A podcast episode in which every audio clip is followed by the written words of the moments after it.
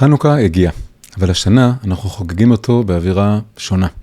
ליבנו עם 137 חטופים שעוד נותרו בעזה, עם מאות המשפחות השבורות, הדואגות והמתאבלות, וכמובן עם כל החיילים הגיבורים שנלחמים להחזיר אותם ולמוטט את החמאס. מה יכולים אנו, שאיננו נמצאים בשדה הקרב, לעשות כדי לתמוך בלוחמים, כדי לעזור להם להגיע לניצחון מלא, כמו שהיה לחשמונאים נגד מלכות יוון הרשעה? אנחנו יכולים להתחזק בחיבור לשורש הקיום היהודי שלנו, שנמצא ביהדות, בתורה, בחוכמה היהודית, במצוות, במנהגים ובחגים, וכך בעזרת השם גם לחזק אותם בשדה הקרב. ובאמת בחנוכה מסתתר שיעור גדול שיכול לתת לנו השראה וכוח לנצח במלחמה. כתוב שמלכות יוון, שנגדה נלחמנו, משולה לנמר, ונמר מתואר כעז, הווה עז כנמר, מזכיר את עזה. כדי לנצח נמרים, צריך להיות גם אנחנו נמרים עזים, וחנוכה זה הזמן להתחזק עם התכונה הזאת. אבל איך נהיה עזים בלי להיות כמו העזתים? אנחנו לא רוצים להיות כמו החמאס, אבל מצד שני כן רוצים לנצח אותו. אנחנו צריכים עזות דקדושה, עזות קדושה. אבל איך מגיעים לאיזון הזה של עזות וקדושה? התשובה מסתתרת במצווה של חנוכה, מצווה של הדלקת הנרות. בחנוכה אנחנו בעצם מציינים שני ניסים.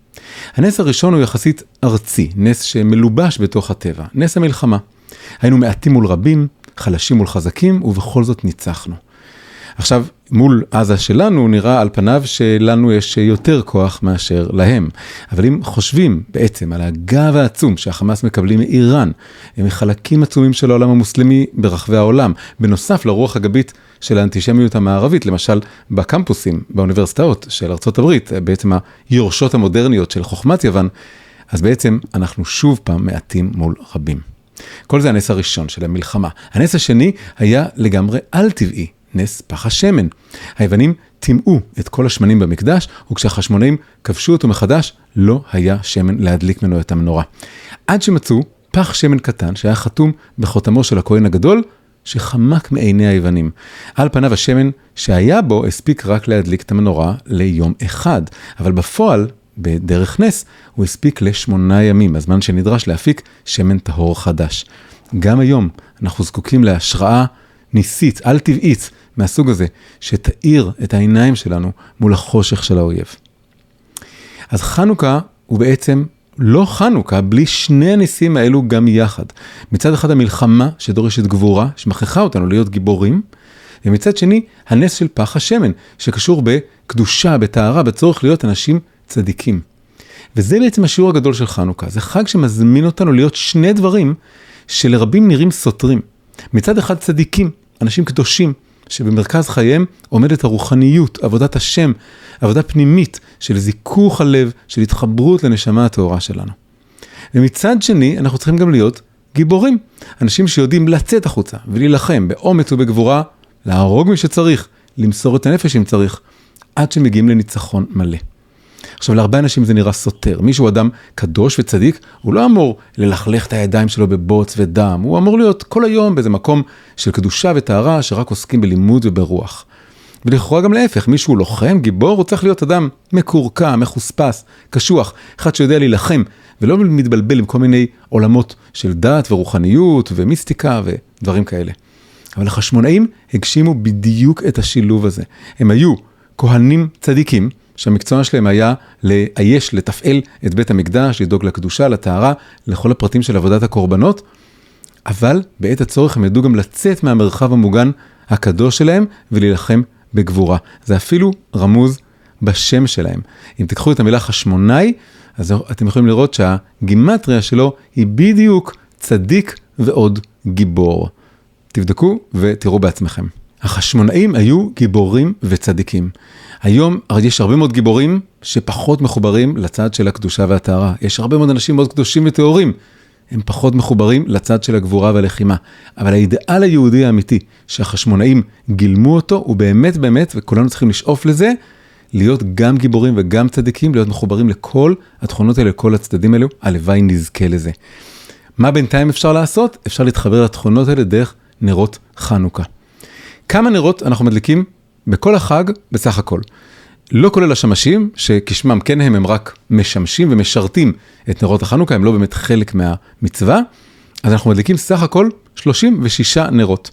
תחשבו 1 ועוד 2 ועוד 3 ועוד 4 ככה עד 8, הכל ביחד יוצא 36 נרות. המספר הזה מזכיר לכם משהו?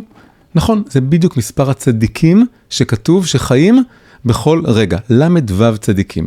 אי שם בעולם יש 36 צדיקים.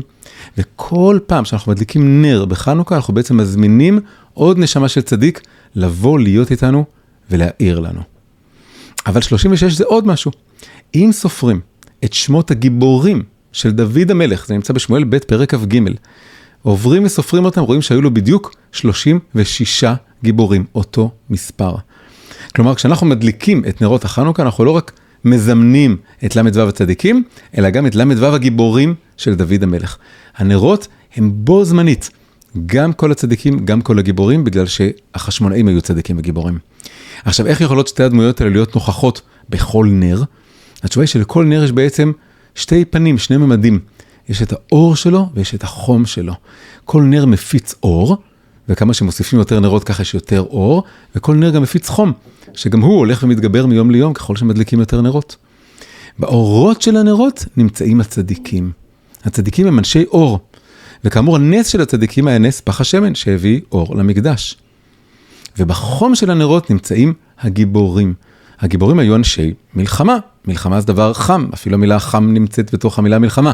כלפי חוץ, יש במלחמה את החום החיצוני של אש הקרב, של, אה, של הירי, וכלפי פנים יש את חום הלב, הלב של החיילים, האחווה שמחברת אותנו, מחברת אותם אחד לשני, את כולנו ביחד, ונותנת את הכוח לנצח במלחמה. אז מהערב, בכל נר שנדליק, צריך להתכוון שדרך האור שלו נקבל השראה להיות יותר צדיקים. ודרך החום שלו נקבל השראה להיות יותר גיבורים. וכשנהיה כולנו מספיק מחוברים לשני הצדדים האלה, נהיה גם צדיקים, גם גיבורים, אז בעזרת השם ביחד נוכל לנצח ולהפיץ את האור והחום שלנו, של היהדות, של הנשמות שלנו, שכל אחד מאיתנו, לכל העולם. חנוכה שמח. שלום, אני מקווה שנהניתם מהשיעור, אם כן, אנא עשו לייק, עשו מנוי לערוץ ושתפו עם החברים. אם אתם רוצים לקבל עדכונים ממני על שיעורים שאני מוסר, דברי תורה ותכנים אחרים, אתם מוזמנים להצטרף לקבוצת הוואטסאפ שלי דרך הקישור שלמעלה או בתיאור. כל טוב ולהתראות.